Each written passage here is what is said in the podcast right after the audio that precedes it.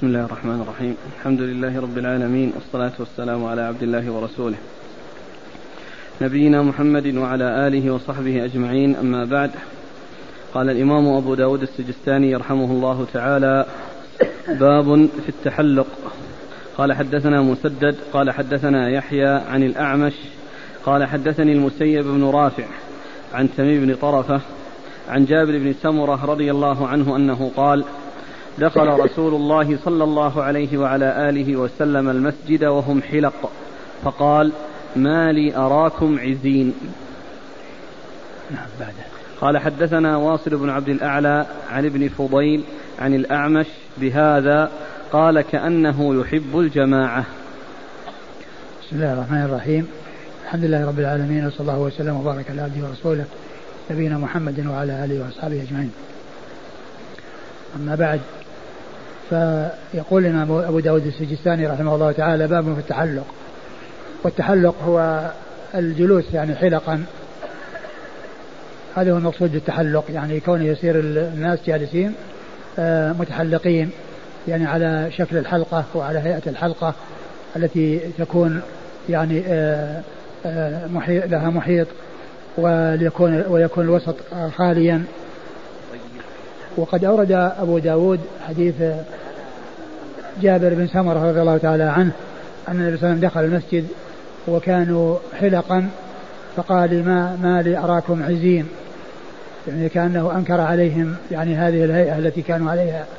يعني عزين متفرقين. يعني حلقا حلقا. و وهذا والتحلق في المسجد إذا كان قبل الصلاة فهو يعني غير سائغ لأن من دخل المسجد عليه وقد يعني أذن المؤذن فإن المطلوب في ذلك أن يكون الناس صفوفا وأن يكون الصف الأول فالأول وأن يستعدوا للصلاة. فإذا كان آه هذا الأمر إنما هو في يعني آه قبل الصلاة فمعلوم أن أن هذه الهيئة يعني لا تنبغي وأن المطلوب هو أن الناس عندما يأتون المسجد للصلاة وقد دخل الوقت فإن فإنهم يعمدون إلى الصف الأول حتى يملؤوه ثم ينشئون الصف الثاني حتى يملؤوه ثم ينشئون الصف الثالث حتى يملؤوه وهكذا. فيملأ كل صف وينتقل إلى الصف الذي يليه. فإذا كان المقصود يعني من ذلك أنه أنهم كانوا قبل الصلاة يعني فالمطلوب هو أنهم لا يكونون على هذه الهيئة وإنما يكونون على وصل الصفوف وعلى الجلوس في الصفوف في انتظار الصلاة. يعني يقرؤون القرآن أو يذكرون الله عز وجل. وأما التحلق يعني آه، آه، وكون الناس يكونون حلقا فهذا هو آه، الذي أنكره النبي صلى الله عليه وسلم وقال ما لي أراكم عزين. وأما فيما يتعلق بكون المسجد يعني يكون فيه في غير في غير وقت الصلاة يعني حلق يعني لتعليم العلم وأن تكون الحلق متعددة. هذا يدرس هذا يعني فن وهذا يدرس فن وهذا يدرس علم وهذا يدرس علم. هذا لا بأس به. ووجود الحلقات في مسجد الرسول صلى الله عليه وسلم كانت موجودة يعني من قديم وهذا يعني شيء يعني لا بأس به. وهو أمر مطلوب وتحصيل العلم إنما يكون يعني بالتدريس في المساجد ولا يلزم أن يكون الناس حلقة واحدة بل يمكن أن يكون الناس حلقا وأن يكونوا متعددين وكل له آه، يعني شيء يريد أن آه، يدرسه أو أن يدرسه فمثل ذلك لا بأس به. ويبدو والله أعلم أن الذي حصل هو كونهم متحلقين قبل الصلاة والله تعالى أعلم. نعم. كأنه يحب وبعدين. قال كأنه يحب إيش؟ الجماعة. يحب الجماعة. يعني اللي هو عدم التفرق. و ومعلوم أنه إذا كان الناس يعني آه للصلاة فإنهم كما ذكرت يعني آه يأتون للصفوف ويملؤونها الأول فالذي يليه فالذي يليه. وتفرقهم يعني هذا التفرق لا ينبغي.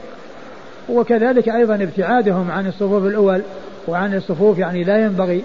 وإنما على الناس عندما يأتون المسجد أن يتقدموا إلى الصفوف وأن يبدأوا بالأول ثم الذي يليه ثم الذي يليه ثم الذي يليه.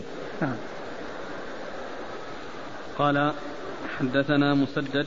مسدد بن مشرهد البصري ثقة أخرج له البخاري وأبو داود والترمذي والنسائي. عن يحيى. عن يحيى بن سعيد القطان البصري ثقة أخرج له أصحاب الكتب الستة. عن الأعمش. عن الأعمش سليمان بن مهران الكاهلي الكوفي ثقة أخرج له أصحاب الكتب الستة. عن المسيب بن رافع. عن المسيب بن رافع ثقة أخرج له أصحاب الكتب الستة. عن تميم بن طرفة. عن تميم بن طرفة وهو ثقة أخرج له مسلم وأبو داود والنسائي بن ماجه. ثقة أخرج له مسلم وأبو داود والنسائي بن ماجه. عن جابر بن سمرة. عن جابر بن سمرة رضي الله عنه وهو صحابي أخرج حديثه أصحاب الكتب الستة. الإسناد الثاني قال حدثنا واصل بن عبد الأعلى. واصل بن عبد الأعلى هو ثقة أخرج له مسلم وأصحاب السنن. ثقة أخرج له مسلم وأصحاب السنن. عن ابن فضيل. عن ابن فضيل وهو محمد بن فضيل بن غزوان وهو صدوق أخرج له أصحاب الكتب الستة. عن الأعمش بهذا. عن الأعمش بهذا نعم في هذا الإسناد. يعني. يقول السائل هل النهي عن التحلق للتحريم؟ آه هو فيما يتعلق بالنسبة قبل الصلاة يعني معلوم أن الناس مطلوب منهم أن يكملوا الصف الأول فالأول وألا يتأخروا. والرسول صلى الله عليه وسلم قال تقدموا فأتموا بي وليتم بكم ما بعدكم ولا يزال قوم يتأخرون حتى يؤخرهم الله. فالواجب هو يعني المسابقة إلى الفضل وإلى تحصيل الصف الأول لمن دخل مبكرا ثم تحصيل الصف الذي يليه ثم الذي يليه. وقد قال عليه الصلاة والسلام خير صفوف الرجال أولها. وشر آخرها وشرها آخرها وخير صفوف النساء آخرها وشرها أولها. ومما ينبغي أن ينبه عليه هنا أنه قد جاء في الحديث أن التحلق يوم الجمعة آه، قبل الصلاة أن هذا غير سائغ أنه غير سائغ وأنه قد جاء النهي عنه عن رسول الله عليه الصلاة والسلام.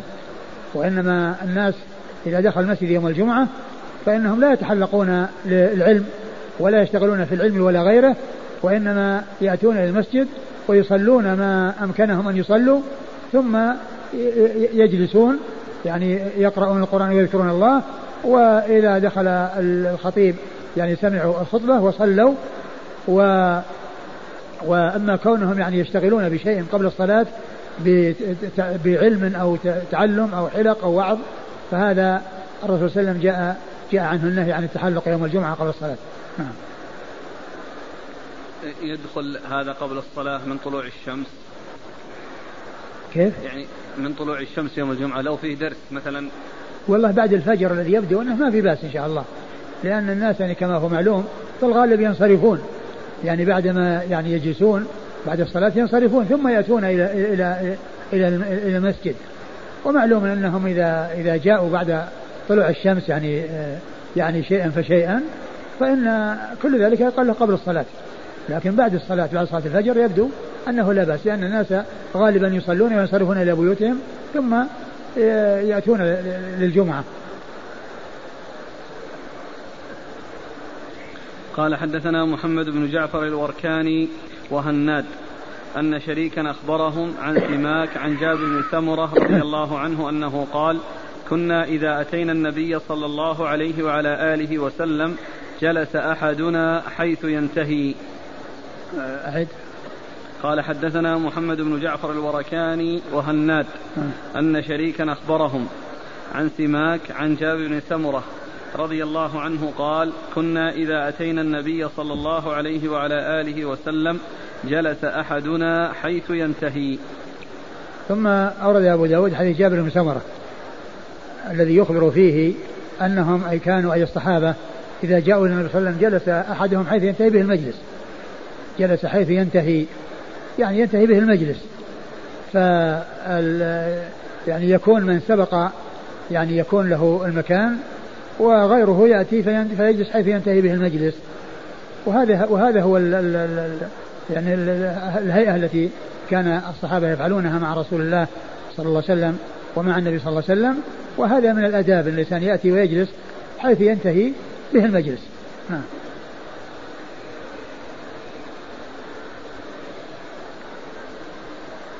قال حدثنا محمد بن جعفر الوركاني. محمد بن جعفر الوركاني هو ثقة أخرج له مسلم وأبو داود والنسائي. ثقة أخرج له مسلم وأبو داود والنسائي. وهناد. وهناد بن السري أبو السري ثقة أخرجه البخاري في خلق أفعال العباد ومسلم وأصحاب السنن. عن شريك. عن شريك بن عبد الله النخعي الكوفي وهو صدوق أخرج له البخاري تعليقا ومسلم وأصحاب السنن. عن سماك. عن سماك بن حرب وهو صدوق أخرجه البخاري تعليقا ومسلم وأصحاب السنن. عن جابر بن سمرة. عن جابر بن سمرة رضي الله عنه وقد مر ذكره. وهذا من الرباعيات من أعلى الأسانيد عند أبي داود رحمه الله.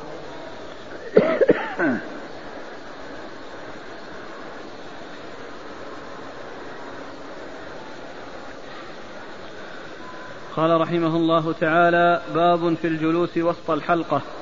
قال حدثنا موسى بن إسماعيل قال حدثنا أبان قال حدثنا قتادة قال حدثني أبو مجلز عن حذيفة رضي الله عنه أن رسول الله صلى الله عليه وعلى آله وسلم لعن من جلس وسط الحلقة. عن عن من؟ حذيفة. ثم ورد أبو داود باب الجلوس وسط الحلقة. يعني إذا كان الناس حلقة يعني مستديرين ثم جاء, جاء واحد وجلس بينهم فإن هذا يعني قد حصل منه شيء لا ينبغي وذلك أنه أولا يعني تخطى الرقاب وأساء إلى الناس ثم أيضا يعني كونه يحجب آه، من من جاءوا قبله عن آه، يعني آه، رؤية من أمامهم ممن هم يعني قد سبقوا إليه وجلسوا يعني أمامه فكل إنسان يأتي ويجلس يعني وسطهم يعني في ذلك يعني إساءة. إلى الحاضرين بالتخطي أولا وبكونه يحجب الذين يكونوا أمامهم يعني من جهة أخرى. والحديث ضعيف لأن فيه انقطاع بين أبي مجلس أبي مجلس وبين حذيفة رضي الله تعالى عنه لأنه لم يسمع منه بل قيل أنه لم يدركه. وعلى هذا فهو غير ثابت.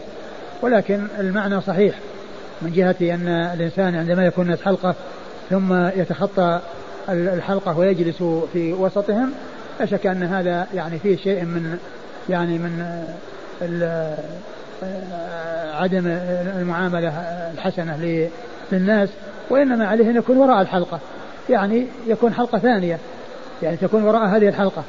اللهم إلا أن يكون وراءهم ليس وراءهم إلا جدران وأن هذه الحلقة يعني ما في مجلس إلا في الوسط فإنهم يمكن أن يكونوا حلقا أخرى في الوسط.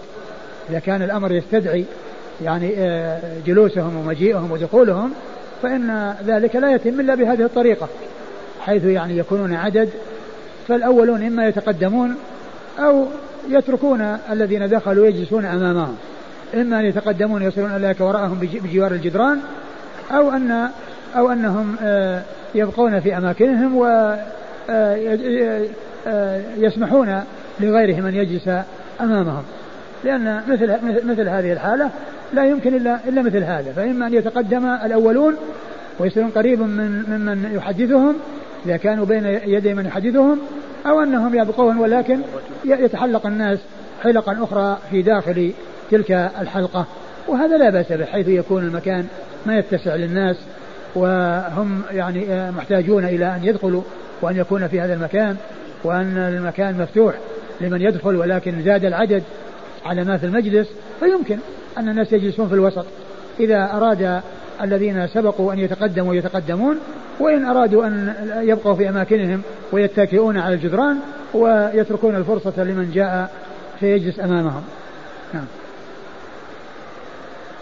أن رسول الله صلى الله عليه وآله وسلم لعن من جلس وسط الحلقة. نعم الرسول لعن من جلس وسط الحلقة. يعني وهذا يدل على على خطورته ولكن الحديث لم يثبت. عن النبي صلى الله عليه وسلم. نعم. قال حدثنا موسى بن إسماعيل. موسى بن إسماعيل التبوذكي ثقة أخرجه أصحاب كتب الستة. عن أبان. عن أبان بن سعيد العطار وهو ثقة أخرج أبان؟ بن يزيد. أبان بن يزيد العطار وهو ثقة أخرجه أصحاب كتب الستة إلا ابن ماجه. ابن ماجه. عن قتادة. عن قتادة من دعامة السدوسي البصري ثقة أخرجه أصحاب كتب الستة. عن أبي مجلد. عن أبي مجلز وهو ثقة أخرجه أصحاب كتب الستة. عن حذيفة. عن حذيفة بن اليمن رضي الله تعالى عنهما وهو صحابي أخرجه أصحاب كتب الستة.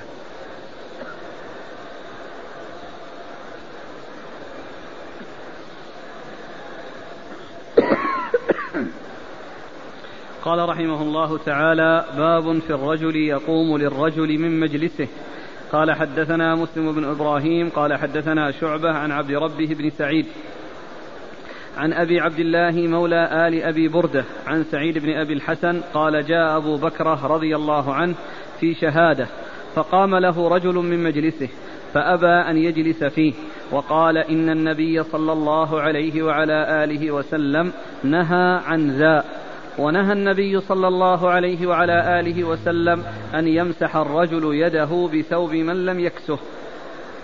ثم أورد أبو داود حديث باب في الرجل يقوم للرجل من مجلسه. باب في الرجل يقوم للرجل من مجلسه. يعني أن ال ال ال الذي ينبغي للإنسان أن أن أنه إذا كان يعني في مجلس ودخل يعني داخل فإنهم يتفسحون ويفسحون ويوسعون المجلس ويجلس. يعني آه، من يريد أن من دخل في في مكان مع التوسع. وأما يعني كونه يقوم إنسان من مكانه أو يقام إنسان من مكانه فهذا هو الذي جاء النهي عنه عن رسول الله صلى الله عليه وسلم. و آه، وإنما المطلوب هو آه، إفساح وكون الناس يعني يفسح بعضهم لبعض وبحيث يستوعبهم المكان يعني حيث أمكن ذلك. وقد جاءت السنة في ذلك عن الرسول صلى الله عليه وسلم وأمره بالتفسح يعني بكونه يتفسحون في المجالس بأن يوسعوا وأن ينضم بعضهم إلى بعض بحيث يعني يجلس من دخل دون أن يقوم أحد ويذهب عن مكانه إلى مكان آخر أو يكون قد خارج أو يكون قد إلى خارج المكان. وقد أورد أبو داود رحمه الله حديث حديث أبي بكرة. نعم. نعم أنه دخل أنه جاء, جاء في أنه جاء في شهادة. يعني ليؤدي شهادة كانت عنده وأن رجلا قام عنه ليجلس مكانه فأبو أبو بكر رضي الله عنه أبى أن يجلس وقال إن النبي صلى الله عليه وسلم نهى عن هذا. يعني نهى عن هذا يعني كون انسان يقوم ويجلس آخر مقامه ف فلم يجلس أبو بكر رضي الله عنه وأخبر بنهي النبي صلى الله عليه وسلم عن ذلك. والحديث يعني فيه ضعف ولكن جاء يعني آه، حديث أخرى تدل على ما دل عليه. وهي يعني ومنها ما سيأتي بعد ذلك. نعم. بس الحديث. إن النبي صلى الله عليه وسلم نهى عن ذا ونهى النبي صلى الله نعم. عليه وآله ونهى وسلم ونهى النبي صلى الله عليه وسلم عن أن يمسح الرجل يده بثوب من لم يكسه. ونهى نهى النبي صلى الله عليه وسلم أن يمسح الرجل ثوبه يده بثوب من لم يكسه.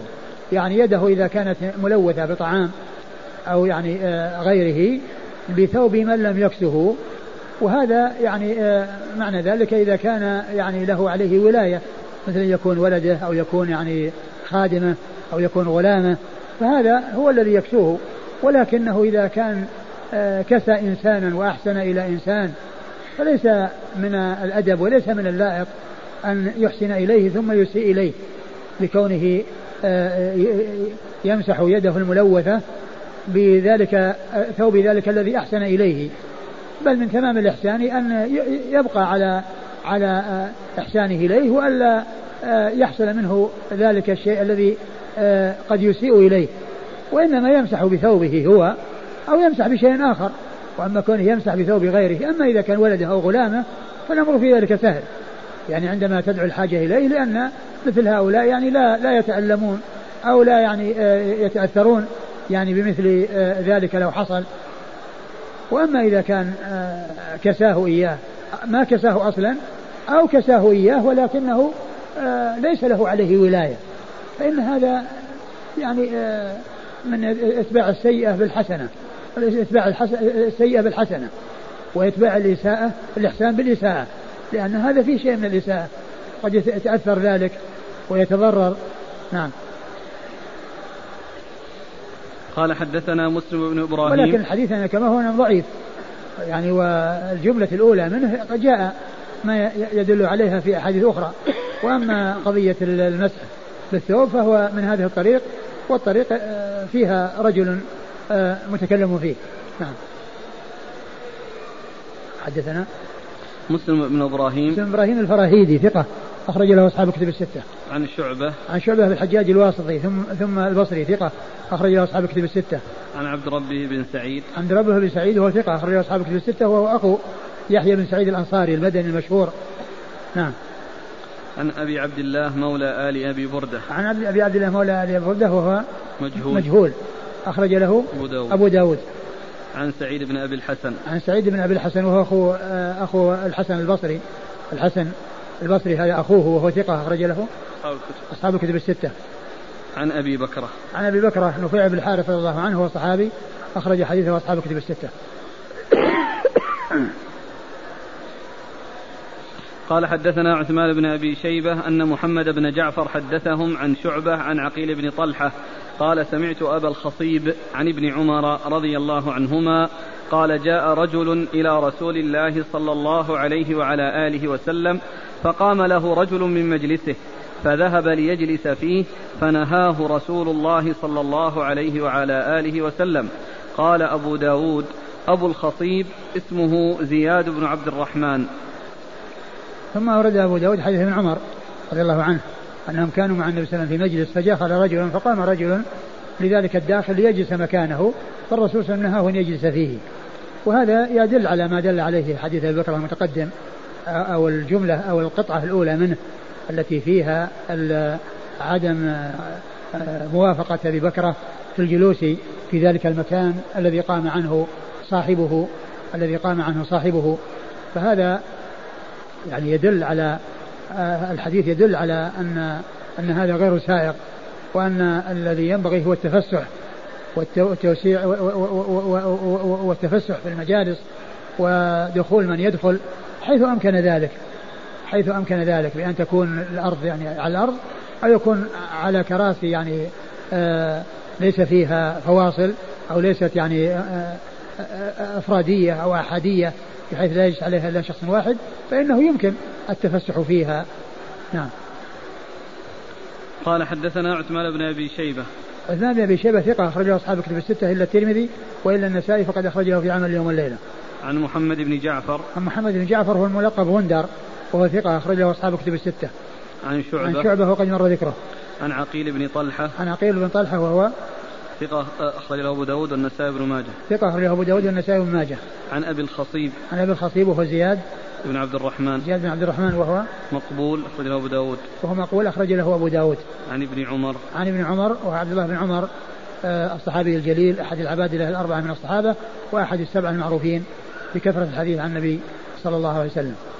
والحديث يعني كما هو معلوم يعني فيه مقول ولكنه يعني له شواهد نعم. إذا دخل إنسان كبير في السن له فضل عليك أو إنسان مريض فقمت له ليجلس مكانك إذا كان هناك يعني أمر يقتضي ذلك بأن يكون شخص يعني له له منزلة وأنها ولكن يعني كونه يحصل التفسح يعني لذلك حتى مع الكبير هو هو هو الأولى.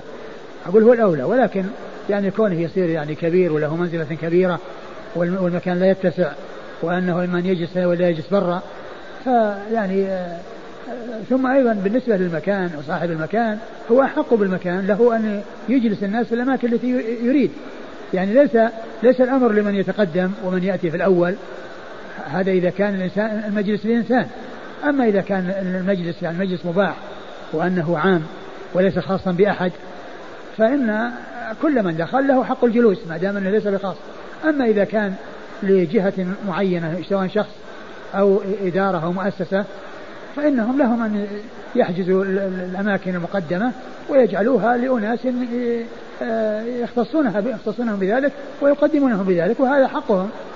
وهذا حقهم يعني كونهم يعني آه، إذا جاء إنسان يقول اجلس هنا ويقول لهذا اجلس هنا فهذا هذا هو هو حقهم. لا بس قد يكون الابن جلس في صدر المجلس ثم دخل أبوه. هذا لا بأس. يعني يكون الأب الابن يقوم عن أبيه ويجلس مكانه إذا كان ما وجد إلا هذا ما في بأس.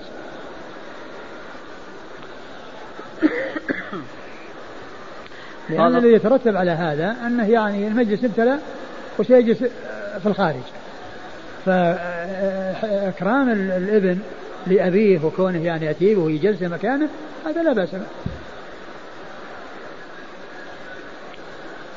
إلا إلا فيما يتعلق بالشيء الذي قربه فليس لأحد أن يقوم عن أحد إذا كان في الصف الأول مثلا.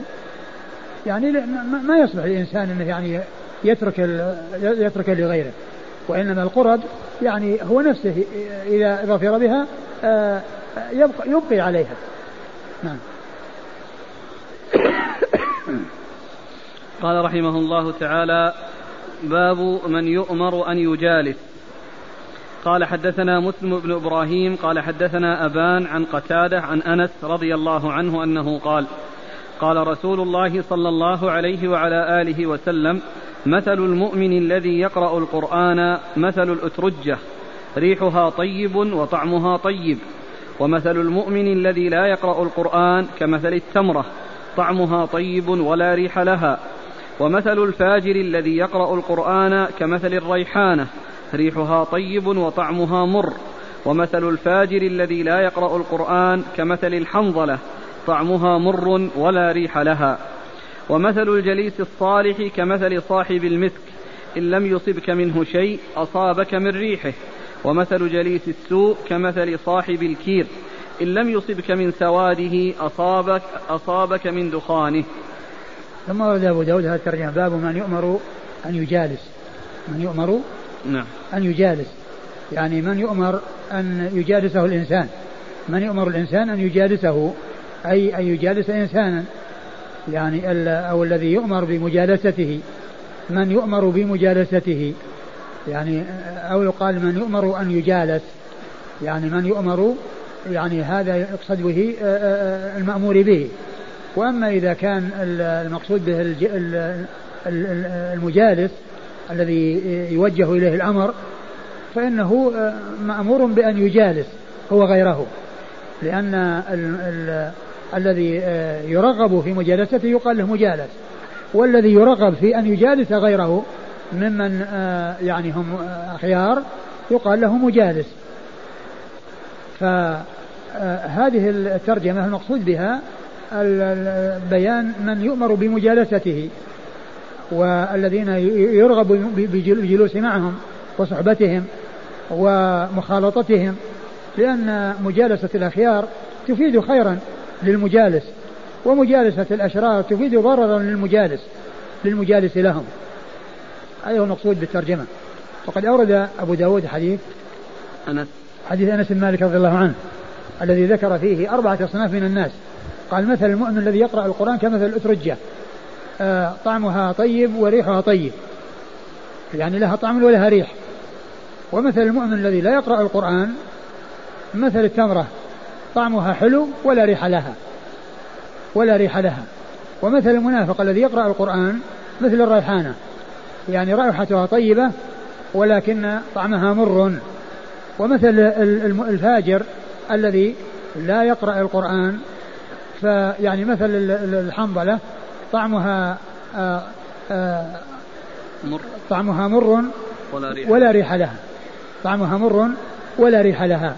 فهذه أمثال ضربها الرسول صلى الله عليه وسلم في بيان تفاوت الناس يعني في هذه الأمور وأن من كان عنده القرآن فإنه جمع بين خصلتين محمودتين إيمانا وقراءة القرآن وشبهه آه، بالأترجة التي آه، طعمها حلو وريحها طيب والمؤمن الذي لا يقرأ القرآن فهو مثل التمرة طعمها طيب ولكنه لا ريح لها. والفاجر الذي يقرأ القرآن كالريحانة ريحها طيب ولكنه لا وطعمها مر.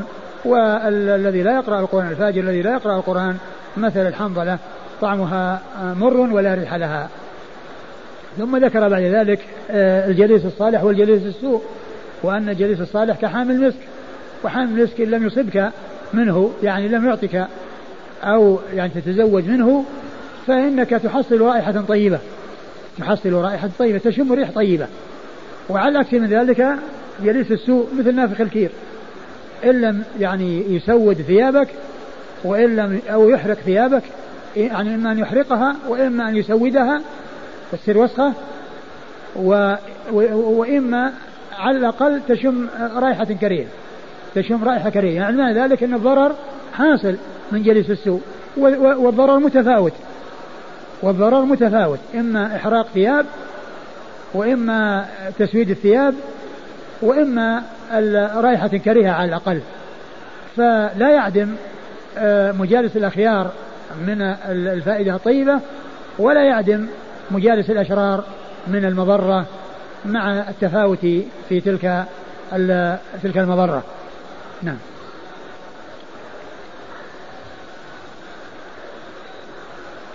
قال حدثنا مسلم بن إبراهيم عن أبان عن قتادة عن أنس. آه، مر ذكر الثلاثة وأنس بن مالك رضي الله عنه خادم الرسول صلى الله عليه وسلم وأحد السبعة المعروفين بكثرة الحديث عن النبي عليه الصلاة والسلام وهذا من الرباعيات التي هي أعلى الأسانيد عند أبي داود رحمه الله. هل المقصود بالفاجر في الحديث هو المنافق؟ نعم. هل المقصود بالفاجر في هذا الحديث يعني المنافق؟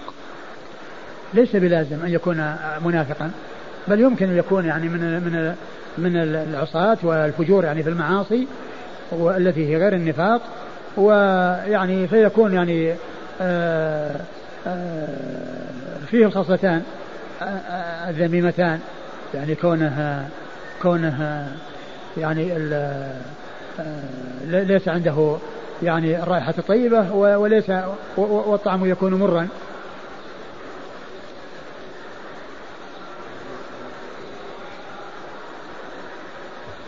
هل يؤخذ من الحديث إطلاق لفظة المؤمن على الذي قصر في بعض العمل حيث ذكر المؤمن الذي لا يقرأ القرآن فسماه مؤمنا؟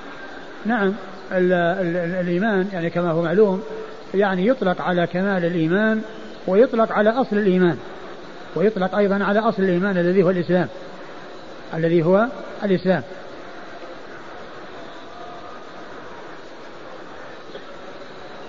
ما المراد بقراءة القرآن؟ هل هي مجرد القراءة فقط؟ القراءة والتأمل فيه. القراءة والتأمل فيه والتدبر والاتعاظ.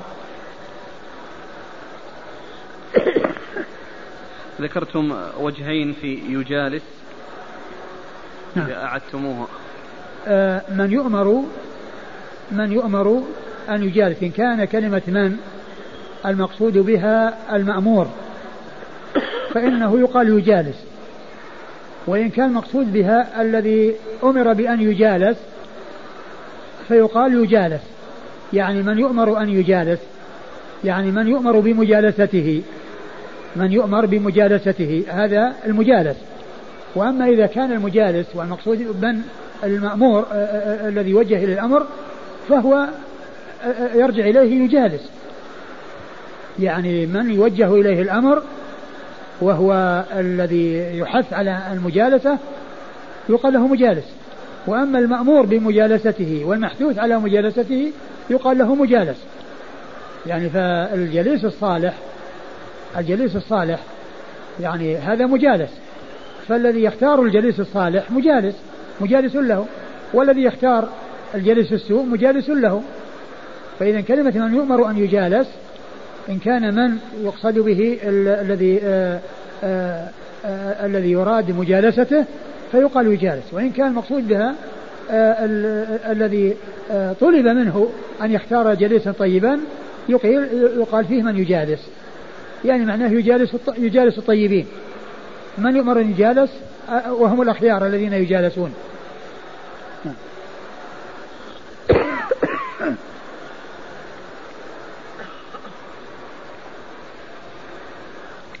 قال حدثنا مسدد قال حدثنا يحيى قال حا وحدثنا ابن معاذ قال حدثنا أبي قال حدثنا شعبة عن قتادة عن أنس عن أبي موسى رضي الله عنهما عن النبي صلى الله عليه وآله وسلم بهذا الكلام الأول إلى قوله وطعمها مر. وزاد ابن معاذ قال قال أنس وكنا نتحدث أن مثل جليس الصالح وساق بقية الحديث. ثم ورد أبو داود الحديث عن أنس عن أبي موسى. عن أنس عن أبي موسى رضي الله تعالى عنه رواية صحابي عن صحابي. وهو مثل الأول إلا أنه عند آخره يعني وقف عند القسم الرابع أو الصنف الرابع من الأصناف الأربعة وهو الفاجر الذي لا يقرأ القرآن والذي شبهه بالحنظلة طعمها مر ولا ريح لها. يعني معناه وقف الحديث عند هذا.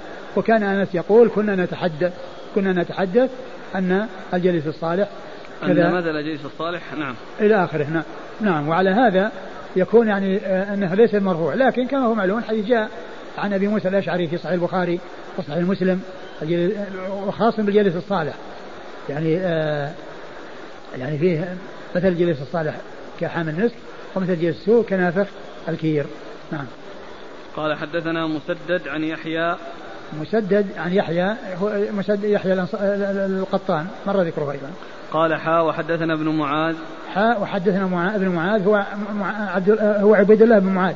وهو ثقة أخرج حديث البخاري ومسلم وأبو داود النسائي عن أبيه عن أبيه معاذ بن معاذ العنبري ثقة أخرج له أصحاب كتب الستة. عن شعبة عن قتادة عن أنس عن أبي موسى. وقد مر ذكر الثلاثة وأما أبو موسى فهو الأشعري عبد الله بن قيس رضي الله تعالى عنه صحابي جليل وحديثه أخرجه أصحاب كتب الستة. قال حدثنا عبد الله بن محمد الصباح العطار. قال حدثنا سعيد بن عامر عن شبيل بن عزرة عن أنس بن مالك رضي الله عنه عن النبي صلى الله عليه وآله وسلم قال مثل الجليس الصالح فذكر نحوه.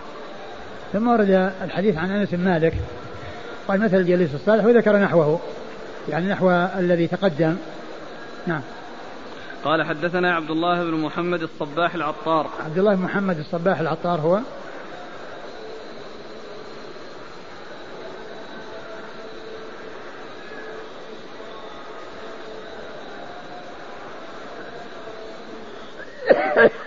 بهذا الاسم لا يوجد.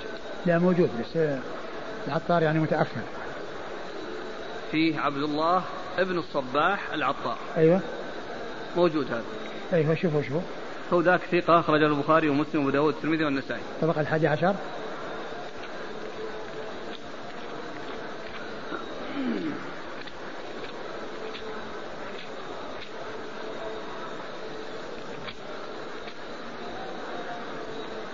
الحادي عشر نعم. نعم. هو هذا منسوب إلى جدة. نعم. لا هو في خطأ في النسخة. ويش؟ لأن النسخة هو كما ذكر المحقق. المعلق. نعم. إنه في نسخة عبد الله بن الصباح العطار. طيب خلاص. اذا هو هذا. اي لكن النسخة اللي معنا صارت زيادة محمد هذا على كل بس هو هو. أقول هو هو. هو هو لكن هو نفس الطبقة هي نفس الطبقة. صار محمد هذه يعني هل صحيحة ولا زايدة؟ نعم. ما أدري أما أن تكون إنه يعني إنه منسوب إلى جدة أو إنه يعني أو إنه يعني محمد أبوه والصباح جدة. هذه العادة أو أنه أو, أو أنه وصف لأنه ما قال ابن الصباح قال محمد عبد الله محمد الصباح. يعني فيكون يعني لا يكون أيضا لقب لأن محمد الصباح هنا عندك. إيه؟ ما قال ابن الصباح. أقول يعني لعلها الحاصل أنه هو يعني ليس شخصا آخر. قصدي النسخة يعني التدخل يعني ذكر محمد هل هي من نسخة أو من فعل المحقق؟ ما أدري. لأن هنا قال في نسخة أخرى عندك. إيه في النسخة الثانية يقول ما فيها. هذا يعني معناها ما فيها محمد. ها؟ النسخة محمد يعني معناها هذه نسخة وهذه نسخة. لا هذه يا شيخ يعني العون ما أبو محمد. محمد عو في نسخة العون. إيه. ما في ذكر محمد. ما في ذكر محمد. إيه ومحمد إيه. عوامة كذلك ما عنده محمد. إيه خلاص. هذه حاط في المتن محمد وفي الحاشية كاتب في نسخة عبد الله بن الصباح. فكان اللي في الحاشية أولى أن يوضع في الصلب محتمل نعم. عن سعيد بن عامر. سعيد سعيد بن عامر هو؟ الضبعي ثقة أخرجه أصحاب الكتب. ثقة أخرجه أصحاب الكتب الستة. عن شبيل بن عزرة. عن شبيل بن عزرة وهو؟ صدوق يهم أخرجه أبو داود. صدوق يهم أخرجه أبو داود. عن أنس بن مالك. عن أنس بن مالك رضي الله عنه وقد مر ذكره. قال حدثنا عمرو بن عون قال أخبرنا ابن المبارك عن حيوه بن شريح عن سالم بن غيلان عن الوليد بن قيس عن أبي سعيد. أو عن أبي الهيثم عن أبي سعيد رضي الله عنه عن النبي صلى الله عليه وآله وسلم أنه قال لا تصاحب إلا مؤمنا ولا يأكل طعامك إلا تقي. ثم ورد حديث أبي, أبي سعيد رضي الله عنه أن النبي صلى الله عليه وسلم قال لا تصاحب إلا مؤمنا ولا يأكل طعامك إلا تقي. والمقصود المصاحبة هذا محل الشاهد يعني للترجمة من جهة من يصاحب ومن يجالس. لا تصاحب إلا مؤمنا. يعني من من يعرف بالإيمان ويعرف بالتقى يعني يصاحبه ويرافقه ويجالسه لأن الفائدة تعود عليه من وراء مجالسته. ولا يأكل طعامك إلا تقي يعني صاحب تقى. والمقصود من ذلك يعني الدعوة. يعني كل إنسان يدعو يعني يدعو ناس طيبين. ما يدعو الناس الذين يعني ليسوا أتقياء إلا إذا كان يريد من وراء ذلك يعني استمالتهم وتوجيههم ودعوتهم وإصلاحهم ويعني نصحهم وتوجيههم. إذا كان لهذا المصلحة فلا بأس بذلك. وإلا فإن الأصل أن الإنسان يعني يكون مجالسته ومخالطته ومؤاكلته لأناس طيبين. وأما إذا كان يخالط الناس الذين آه، فيهم سوء ويكون معهم ولا يكترث ولا يتأثر وليس عنده آه، تأثر بذلك وهم أصحاب سوء فإن ذلك يؤثر عليه. ولكن إذا كان آه، الدعوة كونه يدعوهم من أجل أن ينبههم وأن يستميلهم وأن يذكرهم وأن يسعى لإصلاحهم فهذا مقصد طيب. نعم.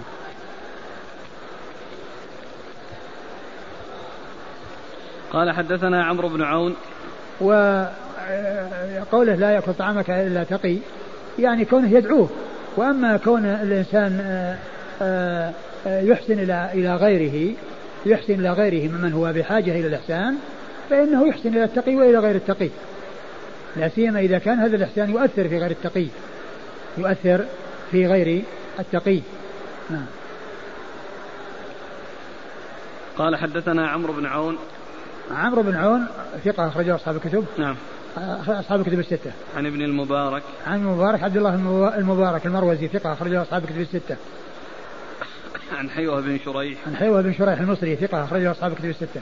عن سالم بن غيلان. عن سالم بن غيلان وهو؟ ليس به بأس أخرجه أبو داود. ليس به بأس وهي بمعنى صدوق أخرج له أبو داود. الترمذي والنسائي. والترمذي والنسائي. عن الوليد بن قيس. عن الوليد بن قيس وهو؟ مقبول أخرج له البخاري في خلق أفعال العباد وأبو داود والترمذي. مقبول أخرجه البخاري في خلق أفعال العباد وأبو داود والترمذي. عن أبي سعيد. عن أبي سعيد الخدري يعني وهو مالك سعد بن مالك بن سنان صحابي آه، آه، هو أحد السبع المعروفين بكثرة الحديث عن النبي صلى الله عليه وسلم وفيه أنه قال أو عن أبي الهيثم أو عن أبي الهيثم عن أبي سعيد. والوليد يعني يروي عن عن أبي سعيد ويروي عن أبي الهيثم. نعم. فسواء كان هذا وهذا كله صحيح. سواء كان يعني متصلا أو سواء كان في واسطة أو غير واسطة. نعم. وأبو الهيثم. سليمان بن عمرو ثقة أخرج البخاري في المفرد وأصحاب السنة. سليمان. ابن عمرو. بن عمرو بن عبيد وهو؟ ثقة أخرج البخاري في المفرد. وأصحاب السنن. ثقة أخرج البخاري في المفرد وأصحاب السنن. عن أبي سعيد. عن أبي سعيد نعم, نعم.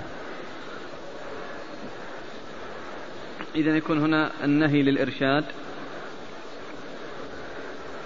لا هو من ناحية المخالطة ومن ناحية يعني آه، كذا. يعني طبعا المقصود الإنسان ما ما يخالط ويصاحب إلا الأتقياء والمؤمنين لأن مصاحبة الأشرار. يعني كما هو ما تعود على الإنسان بالمضرة. الجملة الثانية ولا يأكل طعامك إلا تقي. أيضا كذلك لأن كونه يعني يدعوهم ويكون يعني آه، كأنه واحد منهم أو أنه لا يكترث بمخالطتهم وأنه سوى اختلاطه آه، ليس عنده فرق في مخالطة وعدم المخالطة لا شك أن هذا أمر سيء والمعاكلة آه، تؤدي إلى التآلف والمقاربة في القلوب مع أنه يجب أن يكون هناك آه، تنافر وبعد عن أصحاب المعاصي إلا إذا كان المقصود التألف هذا شيء آخر. دعوة أهل البدع في الولائم والأعراس إذا كان دعوتهم من أجل آه، استمالتهم ودعوتهم وكونهم يعني يدعون ويعني ينبهون هذا لا بأس.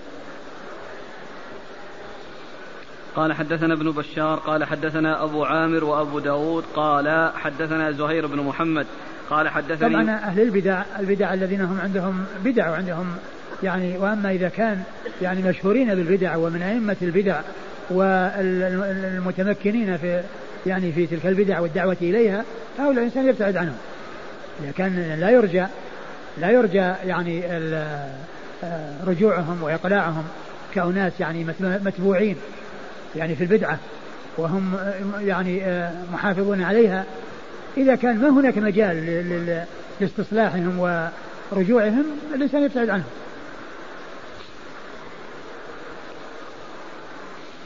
قال حدثنا ابن بشار قال حدثنا أبو عامر وأبو داود قال حدثنا زهير بن محمد قال حدثني موسى بن وردان عن أبي هريرة رضي الله عنه أن النبي صلى الله عليه وعلى آله وسلم قال الرجل على دين خليله فلينظر أحدكم من يخالل. ثم ورد أبو داود حديث أبي هريرة أن النبي صلى الله عليه وسلم قال الرجل على دين خليله فلينظر أحدكم من يخالل. يعني معناها الإنسان إذا يعني صار خليلا لإنسان ومصاحبا لإنسان فهو يعني يكون مثله يعني في أخلاقه وفي صفاته وفي يعني آه، عبادته. فلينظر من يخالل يعني معناه يختار الخليل الطيب الذي يكون عونا له على الطاعة. ولا يختار خليلا يكون عونا له على المعصية أو يجره إلى المعصية أو يعني يتسبب في انحرافه وخروجه عن عن الجادة لأن أغلب البلاء الذي يحصل لكثير من الناس هو من مخالطة الأشراف. مخالطة الأشراف. أكثر البلاء الذي يحصل لكثير من الناس إنما يأتي عن مخالطة الأشراف. ولهذا اختيار الأخلاء والأصدقاء الذين يعني يكونون على استقامة هو الذي ينفع ولهذا الله يقول الأخلاء يومئذ بعضهم بعض لبعض عدو إلا المتقين. يعني المخالة مع أناس يعني فيهم انحراف آه، تسبب آه، انحراف.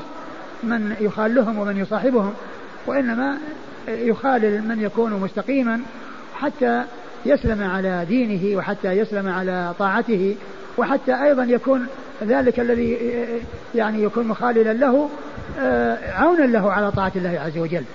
يعني يزيده ثبات على ما هو عليه ويعني ينبهه ويكون عونا له. نعم.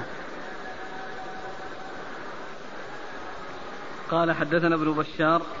ابن بشار محمد بن بشار ملقب بن دار البصري ثقة أخرجه أصحاب الكتب الستة بل هو شيخ لأصحاب الكتب الستة. عن أبي عامر. عن أبي عامر العقدي وهو عبد الملك بن عمرو ثقة عبد الملك بن عمرو ثقة أخرجه أصحاب الكتب الستة. وأبو داود وأبو داود هو سليمان بن داود الطيالسي وهو ثقة أخرجه البخاري تعليقا ومسلم وأصحاب السنن. عن زهير بن محمد عن زهير بن محمد وهو ثقة أخرج أصحاب الكتب ثقة أخرج أصحاب الكتب الستة. عن عن موسى بن وردان عن موسى بن وردان وهو صدوق ربما أخطأ. أخرجه البخاري في المفرد وأصحاب السنن. صدوق ربما أخطأ. أخرجه البخاري في المفرد وأصحاب السنن. عن أبي هريرة. عن أبي هريرة عبد الرحمن بن الصخر الدوسي رضي الله عنه وقد مر ذكره.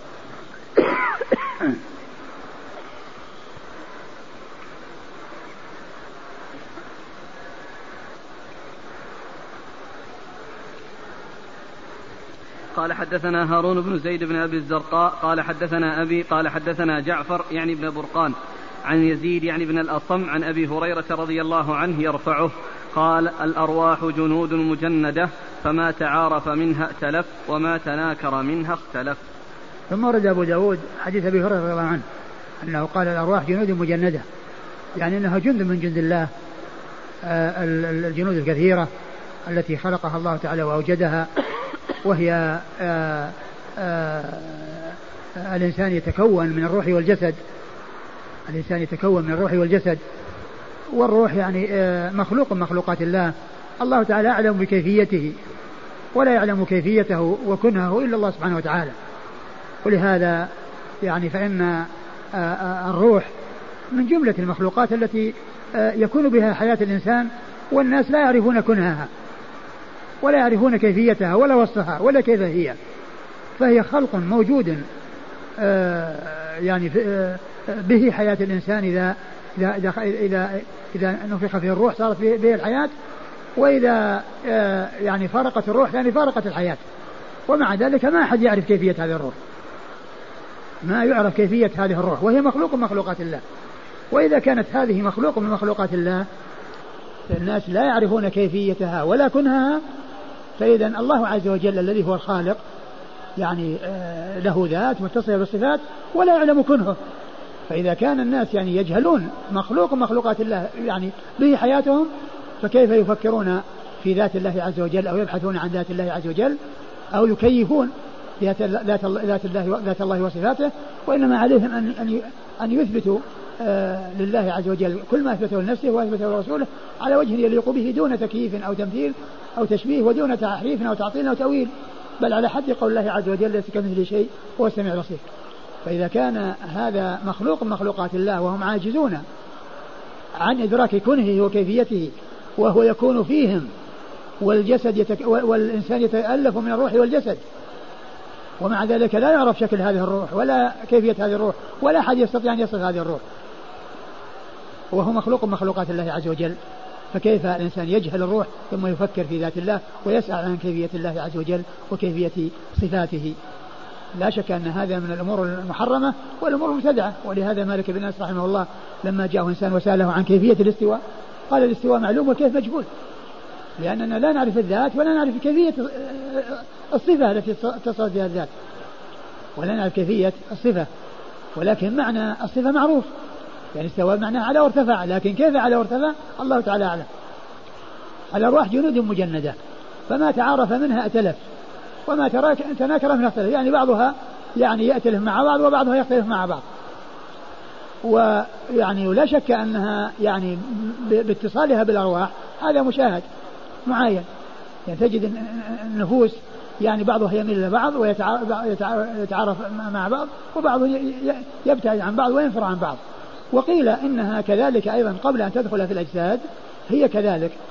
يعني أن ما تعرف منها ائتلف وما تناكر منها اختلف. وبالنسبة لما هو لكونها بعد الأجساد يعني هذا موجود هذا نعم هذا حاصل. ومعلوم أن الجسد وحده ليس لا يوصف يعني بحياة ولا يوصف بعلم وإدراك إلا إذا كانت الروح فيه. ومعنى ذلك أن أن الأرواح بأجسادها يكون التعارف بينها والتناكر وأما كونها آه، قبل أن تدخل في الأجساد وكونها منفصلة عن الأجساد تكون متعارفة يعني أو متناكرة قال ذلك يعني بعض أهل العلم يعني أخذا بهذا العموم. والله تعالى أعلم. نعم.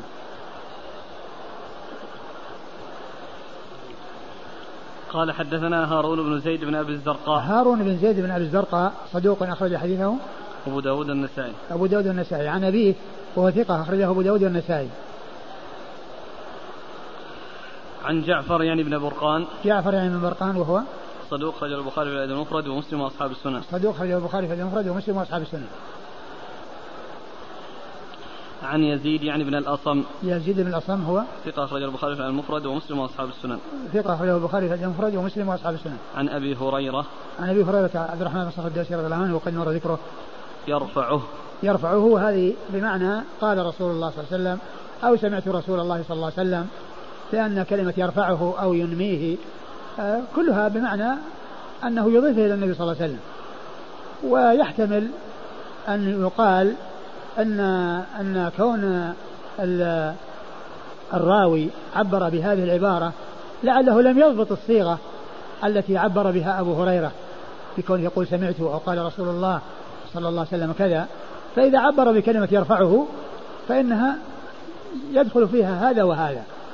لأنها كونه يضيف إلى النبي صلى الله عليه وسلم يقال مرفوع وسواء قال سمعت أو قال قال رسول الله صلى الله عليه وسلم. نعم. وجه الاستشهاد به دخل دخوله تحت الترجمة؟ من جهة من جهة تعارف الأرواح وتناكرها لأنه يعني كل يعني يميل إلى من يوافقه فالأخيار يعني يميلون إلى الأخيار والأشرار يميلون إلى الأشرار. لكن إذا قلنا أن هذه الأرواح من من قبل قد تعارفت وحصل التعارف بينها ثم لما نفخت في الأجساد حصل تطابق لتلك لذلك التعارف السابق. ويمكن ويمكن أن يكون يعني هذا التعارف آه، يعني بعد حصولها بالأجساد ويكون ومعلوم أن ذلك لمجموع الأمرين. يعني الفعل هو لمجموع الأمرين والإحسان لمجموع الأمرين والإساءة لمجموع الأمرين. ما يقال أن هذا من الجسد دون الروح ولا من الروح دون الجسد بعد أن تدخل الروح في الجسد. فإن فإن التعارف هو حاصل لمجموع الأمرين لأن الإنسان هو إنسان بمجموع الأمرين. لأنه جسد بدون روح يعني ما في حياة. هل يؤخذ من الحديث أنه لا لوم على العبد في ميله وحبه لشخص وكراهيته لآخر؟ لا. يعني لا, لا يعني لا يعني لا يدل الحديث على هذا لأن يعني كما هو معلوم آه يعني أن أن أن أن, أن التعارف يعني يكون بين الأرواح بين بين الناس والتفاوت بين الناس. ومعلوم أن الإنسان يعني يميل إلى من يماثله. وإن مال إلى غير ما يماثله فإنه يتضرر. قال رحمه الله تعالى باب في كراهية المراء. والله تعالى أعلم وصلى الله وسلم وبارك على عبده ورسوله نبينا محمد وعلى آله وأصحابه أجمعين. جزاكم الله خيرا. وبارك الله فيكم ونفعنا الله ما قلت.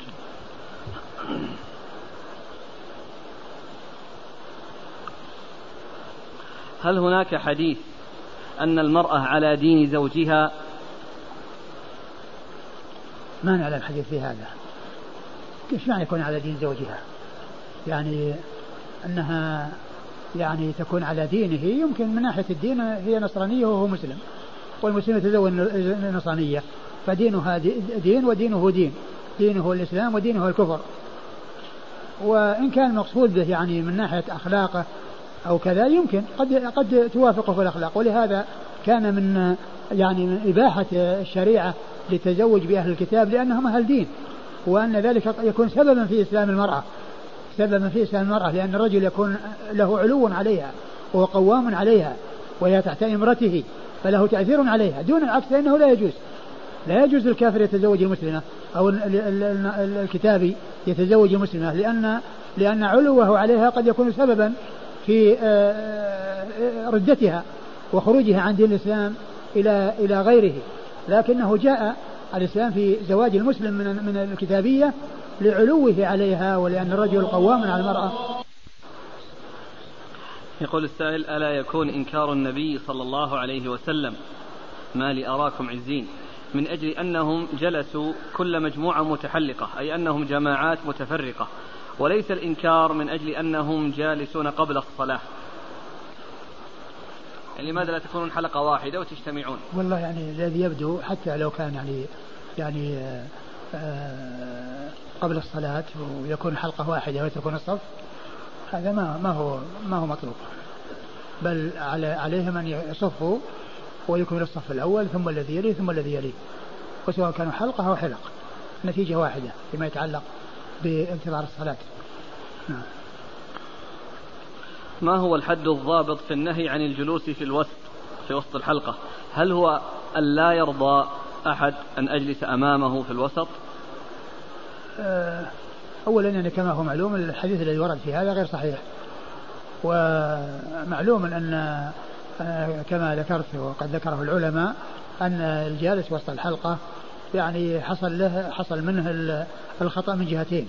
من جهة أنه تخطى الناس حتى وصل إلى داخل الحلقة ومن جهة أنه يحجب من يكون آه، يجلس أمامه عن الشخص الذي آه، يعني هم جالسون معه يحدثهم ويسمعون منه.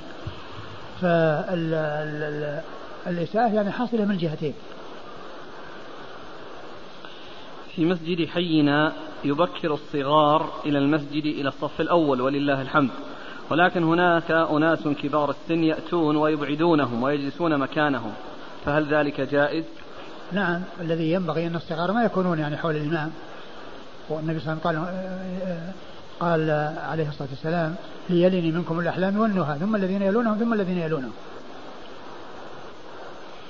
إذا داوم طالب في مكانه من مقاعد الدراسة وعرف بهذا المكان وجلس طالب آخر مكانه فهل له أن يقيمه وأن يجلس مكانه؟ نعم إذا كان كل واحد له مكان مخصص فكل يذهب إلى مكانه ويجلس فيه. وإن جلس فيه أحد يعني يطلب منه أن يقف لأن كل مكان له مكان مخصص. فكونه يعرف مكان يترك مكان مكانه يجلس في مكان غيره ليس له ذلك إلا بإذنه. إذا كان أيضا يملك الإذن. أما إذا كان أيضا لا يملك الإذن بأن المسؤولين أرادوا يكون كل واحد يعني في مكانه ويعرفونه برقمه ويعني فالذي يكتب أمام على مقعده أو على اللوح الذي أمامه ويكون يعني كل واحد يعني باسمه ورقمه أيضا ليس له أنه يتبادل هو إياه بل يعني كل يجلس في مكانه. فإن الآن يعني عزفت عن هذه الطريقة الآن ما صارت أرقام؟ يعني الآن في المقاعد ما في أرقام. حتى لو يكن في أرقام ولكن كل واحد عرف مكانه ولو لم يكن هناك أرقام وكل عرف مكانه أو يكون أيضا بالترتيب مرتبين هم كل يعرف مكانه ولو لم ولو لم يذكر رقم أمامه. يعني هم قد ذكروا في في البيان على حسب ترتيبهم وهم يجلسون على حسب هذا الترتيب. أما إذا كان الأمر ما فيه آه، يعني آه، إلزام وأن كل يجلس في أي مكان يريد فلكل إنسان يجلس حيث شاء.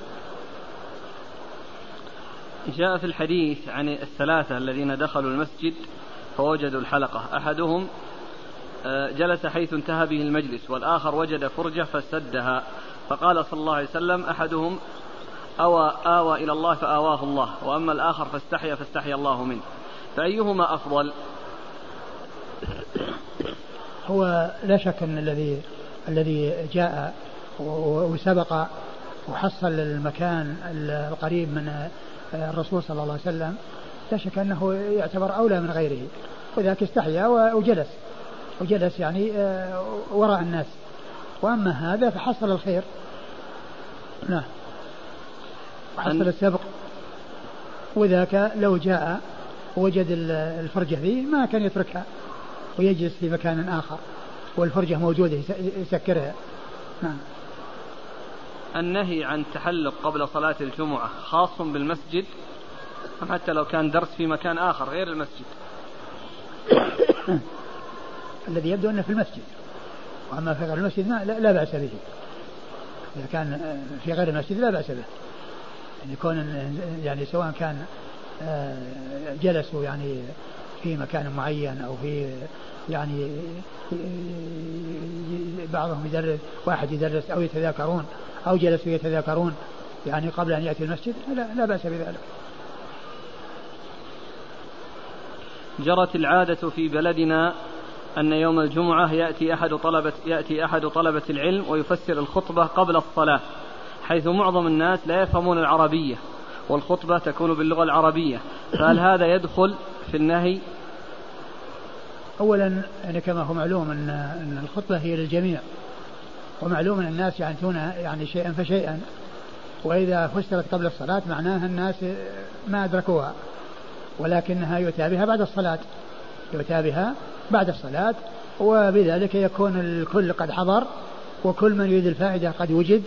وأما إذا أتي بها قبل الصلاة بعض الناس يأتون ولا, ولا, ولا يحصلون شيئا من الفائدة. هم يخشون أنهم يخرجون. نعم. يخشون أنهم يخرجون. على كل الذي يريد الفائدة مو خارج. والذي آه يعني آه ما يريدها ما يعني آه, آه، أقول ما, عنده حرص عليها لا قبل ولا بعد.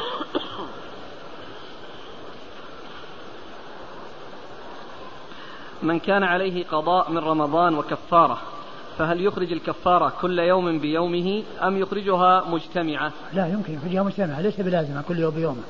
يخرجها دفعة واحدة يعني قبل أو بعد أو في أثنائها كل ذلك سهل حفظك الله كان الهلال قد طلع في بلدي وأنا لا أعرف فأكلت وشربت وفي النهار بلغني الخبر فاستفتيت أحد أساتذتي وأمرني بالصيام والإمساك في ذلك اليوم وألا أقضي.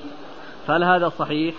وإذا كان خطأ هل يجب علي القضاء لأن المسألة إذا حدثت قبل أربع سنوات؟ إذا ثبت الهلال في بلد وبعض الناس ما علم به إلا في الصباح وبعد طلوع الفجر فإنه لا يعتبر آه، صام. لأنه لا بد من النية قبل طلوع الفجر. وإن لم يبلغ الخبر إلا بعد الأذان وبعد ما حصل الأذان فإن على الإنسان أن يمسك ويقضي. على الإنسان أن يمسك ويقضي. ولا ينفعه آه، صيامه ولو لم يأكل لأنه لابد أن يكون عنده نية قبل طلوع الفجر وأن يكون بلغه دخول الشهر قبل طلوع الفجر. فإذا كان لم يبلغه إلا بعد طلوع الفجر فإنه لا يعتبر صام ذلك اليوم ولو كان لم يأكل قبل طلوع من قبل طلوع الفجر حتى بلغه الخبر بل يجب عليه الإمساك والقضاء لذلك اليوم الذي لم يصمه. من لم يبيت النية من الليل فلا صيام له. بالنسبة لرمضان تكفيه النية في أول ليلة أو يحتاج إلى تجديدها هو هو الأصل الأصل أنه يعني كل أنه عند دخول الشهر ناوي أنه كل يوم كل يوم يصوم. كل يوم هو صائم وأنه عازم على صيام الشهر. وكل يوم كما هو معلوم عندما يأتي يتسحر هو طبعا من أجل صيام ذلك اليوم. لكن آه، آه، كون الإنسان يعني يبيت النية وأنه يعني آه، من أول الشهر طبعا هذا كافي. لأنه لو أن إنسانا يعني مثلا نام وبعدين يعني قام وما تسحر فإن ذلك لا يؤثر لأن النية موجودة عنده. لكن الإشكال لو أنه يوم من الأيام ما قام إلا على أذان الفجر ما ما يعني ما قبل السحور. لكنه ناوي من أول الشهر سيصوم الشهر نعم كامل. نعم هو هذه تكفيه النية الأولى. تكفيه نية نعم. أحسن الله إليك. من أخر قضاء صوم من رمضان بدون عذر حتى جاء رمضان الآخر هل يكتفي بالقضاء؟ لا وعليه القضاء وعليه الإطعام عن كل يوم مسكين.